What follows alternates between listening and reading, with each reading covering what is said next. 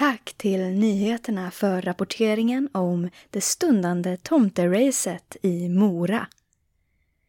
Och nu är det tid för Doomsday at Breakfast med Matilda Blomqvist och William C. Voxlin. Här på Feel Bad Radio.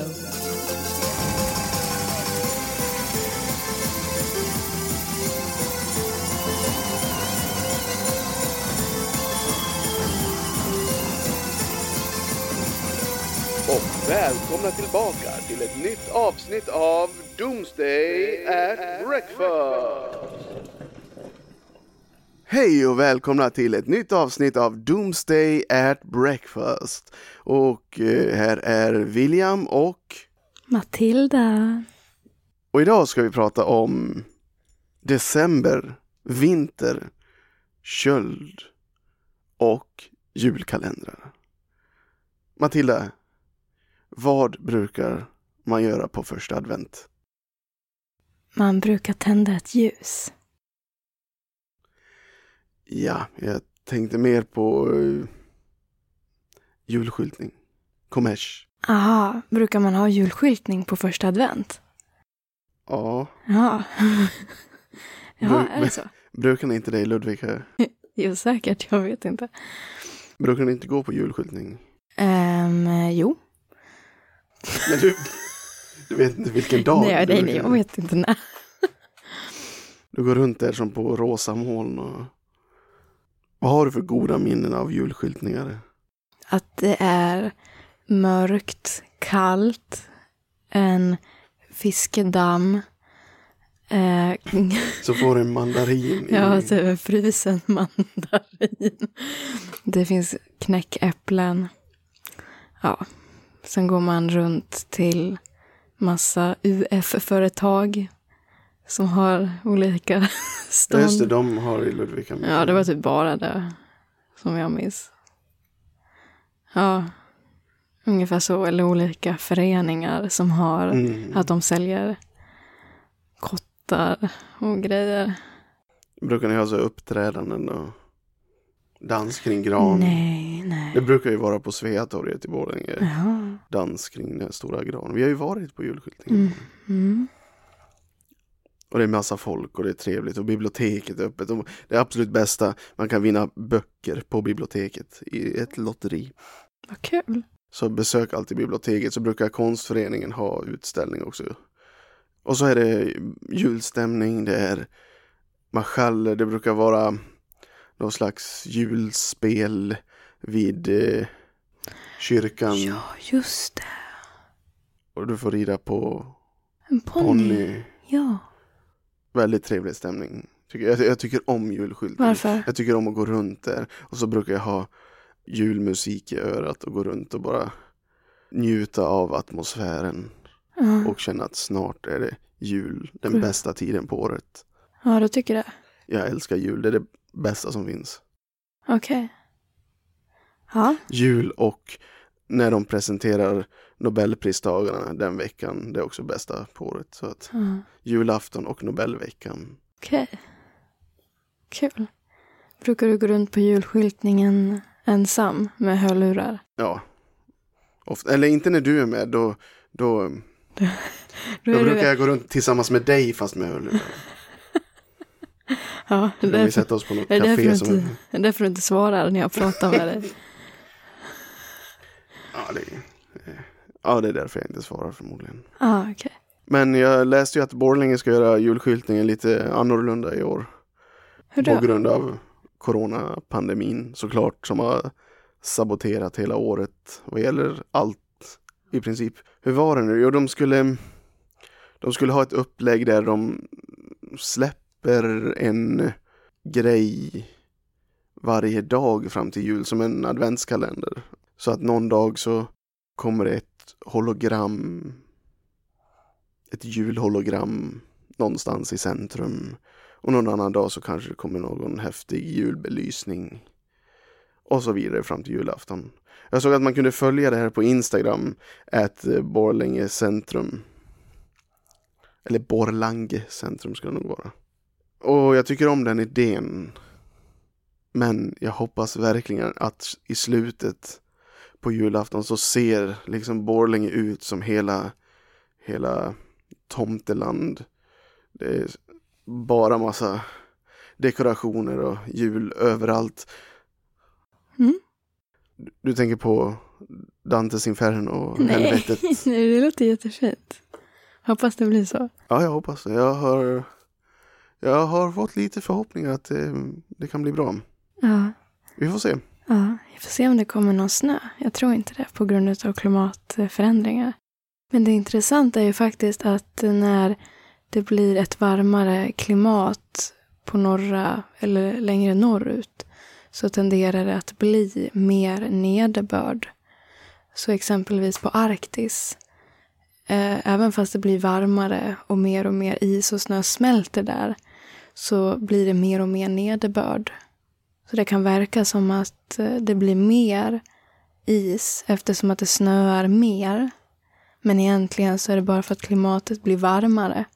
Och det tempererade klimatet tenderar att ge mer nederbörd. Så det kanske blir snö ändå. Tycker du att det var mer snö när du var yngre? Ja, faktiskt. Det var mycket mer snö. Eller, eller upplever du det bara så?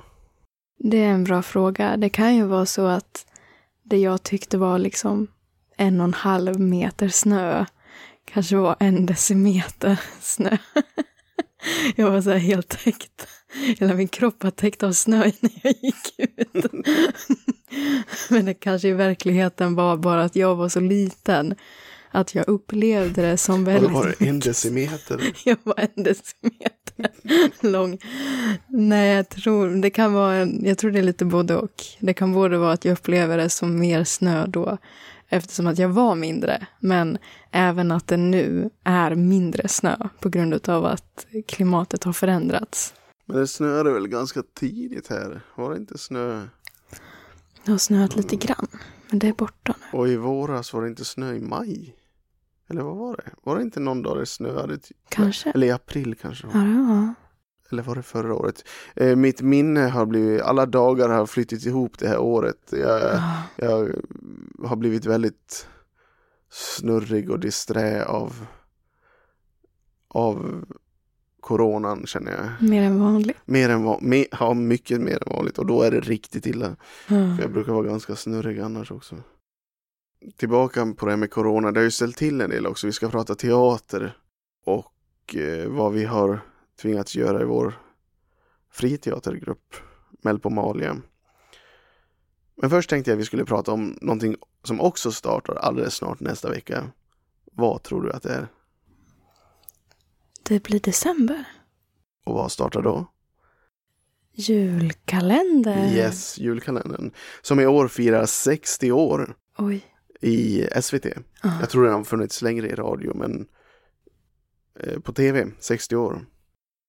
Och då måste vi ta reda på vilken som är den bästa julkalendern. Jag har inte sett, eller jag har ju sett långt ifrån alla.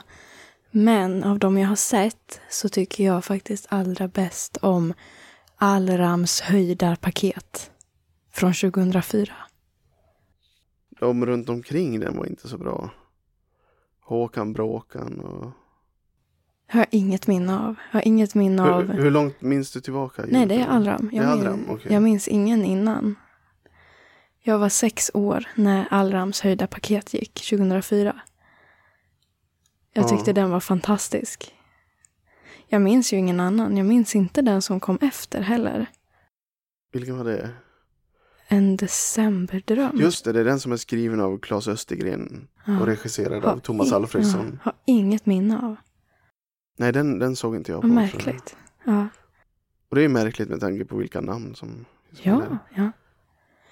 Men du, vilken är din favoritjulkalender? Den första som jag har bevis på att jag har sett, men som jag inte minns, är Klasses julkalender från 92. För den har jag kvar, själva pappkalendern. Så den såg jag på, men jag minns den inte så mycket. Jag tror den var live också, Klasse Möllberg.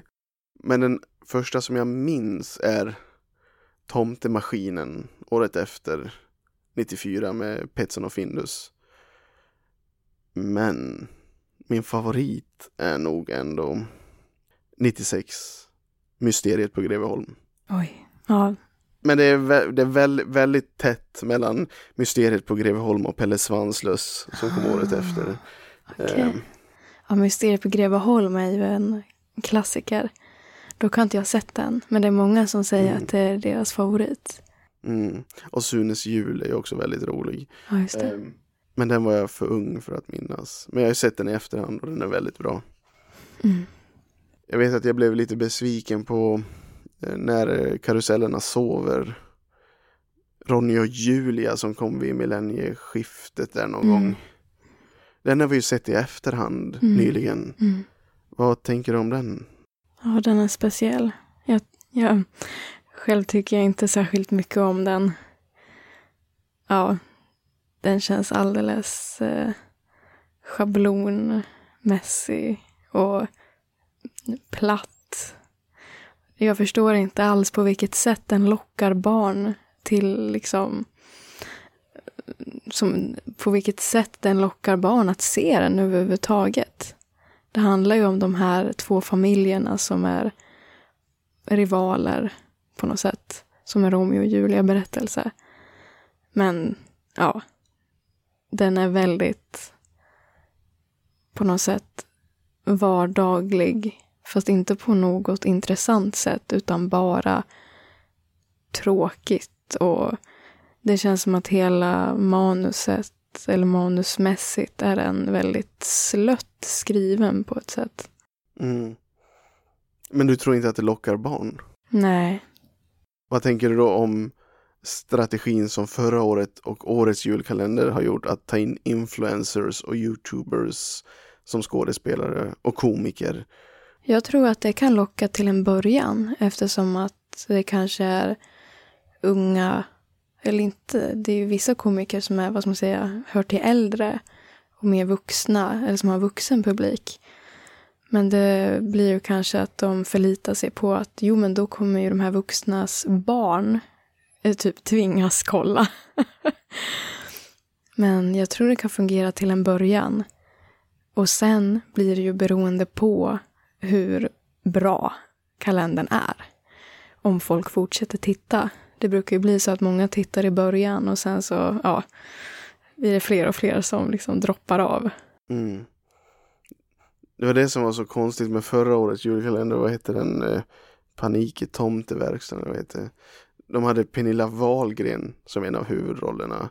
Och Per Andersson som är komiker och Pernilla Wahlgren sångerska. Och sen sätter de den riktiga skådespelaren Leif André på en väldigt märklig roll som någon slags var han? Animerad snögubbe? Nej, han var- Nej, han var inte animerad. Han var Det var en kostym. väldigt läskig kostym. Men jag tror det var en annan person i kostymen. Så jag tror det var Leif Så det André. var bara hans röst? Ja, Ah, Okej, så han skådespelar inte ens som Snögubben? nej jag tror faktiskt Ah, inte det. okej. Eller det är en gissning bara. Jag tror inte det. Det är väldigt intressant att man har åsidosatt skådespelarna för... Dock kan ju sångare och komiker såklart vara bra skådespelare. Ja, ja. Men kanske inte. Det är inte regel. Nej, Pernilla Wahlgren är väldigt duktig på att spela sig själv. Ja. Ja, Det får man ju ge henne. ja men absolut. Och Lena PH var ju med i... Storm, den storm, innan. Ja, Ja. storm på Lugna Gatan. Den, så, den har inte jag sett hela. Nej, Det är faktiskt väldigt få jag har sett hela av på de senaste åren. Den senaste jag tror att jag har sett hela av är Tusen år till julafton. ja, den är bra. Den är grym. Den, det är den moderna julkalendern som jag tycker är absolut bäst. Ja, oh ja. Det är en sån, vad ska man säga, vild eh, brytning från alla andra julkalendrar. Och jag tyckte att det fungerade så väldigt, väldigt bra. Att det är väldigt komprimerat, kort, Folkbildning. folkbildande. Jag älskade ju det. På ett inte fördummande sätt utan på ett väldigt, vad ska man säga, jag tycker ett öppet och ärligt och nyfiket sätt som det fungerade jättebra. Och då blir jag så här, folk reagerade ju och sa ungefär att nej, mina barn ska, de ska ha något roligt att titta på, inte något tråkig historielektion på morgnarna. Och då blir jag att tänka så här, va? Men vad är det här för kunskapsförakt? Är det inte fantastiskt att både kunskap och underhållning hand i hand fungerar? Och du får liksom ta del av det här. Och sen såklart finns det de som inte tyckte att det var så bra. Och det förstår jag absolut. Men jag tyckte bara att det var så väldigt, väldigt bra gjort. Mm. Ja, den är väldigt bra. Det är ju så synd, de ger ju ut julkalendrar på DVD. Och av de senaste årens julkalendrar så är det bara den och Jakten på tidskristallen som inte har getts ut, tror jag. Och Jakten på tidskristallen förstår jag inte varför den inte har getts ut. Jag tror den finns på SVT Play, Mm. tror jag, Mm. nu. Men det har blivit någon, något problem med upphovsrätten till Tusen år till julafton. Så därför kommer den inte att ges ut på DVD. Vilket är ofattbart. Så man kan inte se den alls. Nej, Vad tråkigt. För den är så bra. ja. Det är jättesynd. Mm. Men jag tycker det, överlag så har julkalendrarna på 90-talet varit ganska bra. Och många av dem minns jag som Tomtemaskinen. Jul i Kapernaum har du ju också som är väldigt bra första delen av avsnitten. Sen när de går över till dockor och sånt här på, vad- jag för mig det heter något Biorio och liknande. Och Lennart Jäkel var en av rösterna. Det, det, var, det var inte bra. Det tyckte jag mycket illa om. Även som barn. Och jag tror de delarna har tagits bort från DVDn. Och nu är det bara den här huvudberättelsen. Oj, det är ju illa. Ja, ja eh, och sen kom Mysteriet på Greveholm, sen Pelle Svanslös och sen kom den här Hasse Alfredsons När karusellerna sover och den var mindre bra. Just det, det var Julens hjältar kom efter den om de här juldekorationerna som jag minns inte om de var bortslängda eller om de låg på vinden eller någonting. Jag tror de var bortslängda. Och den var ju lite mörk vill jag minnas. Det finns ju något väldigt intressant där i berättelsen om dekorationer och saker som slängs bort och hur de känner kring det. Det låter som den lilla brödrosten. Ja, den är bra. Den modiga lilla brödrosten. Ja, kanske. Ja. Ja, den är bra. Och eh, lite Toy Story Mm. över det också. Och sen 2000-talet kom Ronny och Julia första. Och det var ju ett Var det ingen, ingen bra början? Nej. Men sen så återhämtade sig lite med Kaspar i Nudodalen. Den, den var bra. Per Oscarsson är alltid fantastisk. Efter den så slutade jag kolla på julkalendrar. Jag minns att jag tittade på några avsnitt av Dieselråttor och Sjömansmöss som kom efter den. Och jag tror att det var din favorit. Eller en av dina favoriter. Men det blev något missförstånd där. Nej, jag brukar tänka att eh, den måste vara så bra för alla i min ålder säger att den var så bra. Men jag har inte ett minne av den. Jag brukar tänka att den ska ju vara så bra eftersom att alla i min ålder säger att den var så bra. Men själv har jag inte sett den. Så det kanske har blivit lite att jag levde i någon föreställning om att jag har sett den. För så många har pratat om den. Men jag har ju trott under alla fem år vi har varit tillsammans att det är din favoritkalender. Vad märkligt. Men det är lite så också att jag inte är någon julkalenderfantast. Så när, nå- när folk runt omkring mig, tror jag, när de pratar om julkalendrar så har de alltid pratat om den och att den är så liksom episk och den är så häftig. Och jag tycker när jag ser eh, så här klipp ur den så verkar den väldigt speciell. Men Men den är bra, jag har sett den lite i efterhand och den är faktiskt bra. Och Sven Wollter är med i den, oj, som gick bort ja just det. Jo, nyligen. Åh gud. Ja, corona, Ja. Vila i frid, Sven. ja. Då ska vi gå över till vad vi ska göra i år. Ja. För coronan har ju satt lite käppar i hjulet för vad vi har planerat. Ja. eh, med föreställningar och sånt. Ja. Vi har ju haft två urpremiärer i år, vilket är helt ofattbart att vi lyckades få till. Mhm. Först på en öde ö i juli och eh, jag tänker på strunt i oktober. Men nu när de ännu hårdare rekommendationerna eller restriktionerna kanske man ska kalla det för. Så kan vi inte ha fler föreställningar i år. Så hur har vi tänkt? Ja, vi har spelat in en julkalender som kommer gå att lyssna på fram till jul med början första december. Där det går att öppna en lucka varje dag på vår hemsida. Och i luckan kommer det att finnas hörspel och lite olika saker som vi har gjort. Julsketcher, kåserier, diktuppläsningar. Ett potpurri. Men vi har en följetong som kommer börja första december ända fram till 24 december på julafton. Och den har du skrivit. Och den heter Karantänvinter. Kan du berätta vad den handlar om? Jag har länge haft idén om att skriva en pjäs om människor som är isolerade på en specifik plats. Jag lockas av det här klaustrofobiska och om det händer mystiska saker. En berättelse som är lite som en labyrint.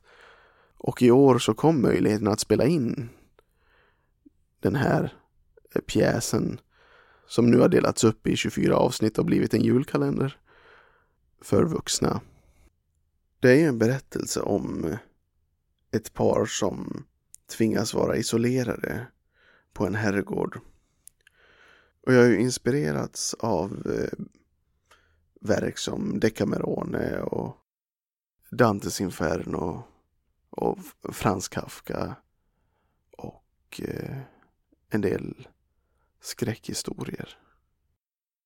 Så det blir främst en mystisk och labyrintisk och främst kanske klaustrofobisk kalender som är ganska långsam. Det händer inte så mycket, vilket är skönt. Det tycker jag om. Jag tycker om berättelser där det inte händer speciellt mycket. Och istället så sker handlingen mer psykologiskt och eh, kryptiskt. Så det blir en ganska mystisk vuxen julkalender. Och det är ganska otydligt vad som händer. Det går ganska långsamt. Det blir ganska oförståeligt. Och det är precis vad jag är ute efter. Jag vill ju utforska hur människans psykologiska inre förändras av isolering. Och läget blev väldigt passande just i år för den här pjäsen då. Vad bra. Det vi tänker med julkalendern också är vikten av att det fortsätter att finnas kultur tillgängligt för människor. Och därför har vi valt att producera det här projektet och göra det tillgängligt just nu. Så eh, om vi inte kan möta publiken så kan i alla fall publiken lyssna på Ja. oss. Och teater. Och julkalendern kommer ni kunna höra på vår hemsida, på Spotify, på Youtube och Facebook. Med start första Ja. december. Så då blir det sketcher och karantänvinter och lite allt smått och gott från oss alla till er alla. Så då har vi väl bara en sak kvar att göra första advent som det är.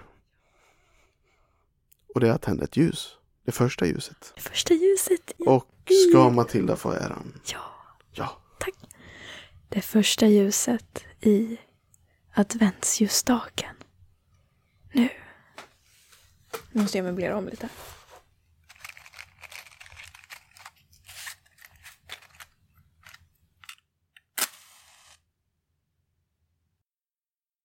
Så. Nu brinner det fint. Ja, glad eh, första advent älskling. Glad första advent. Så, Snart är det jul. Då ses vi första december Ja. i Melpomars julkalender. Och i nästa avsnitt av at Breakfast. Yes.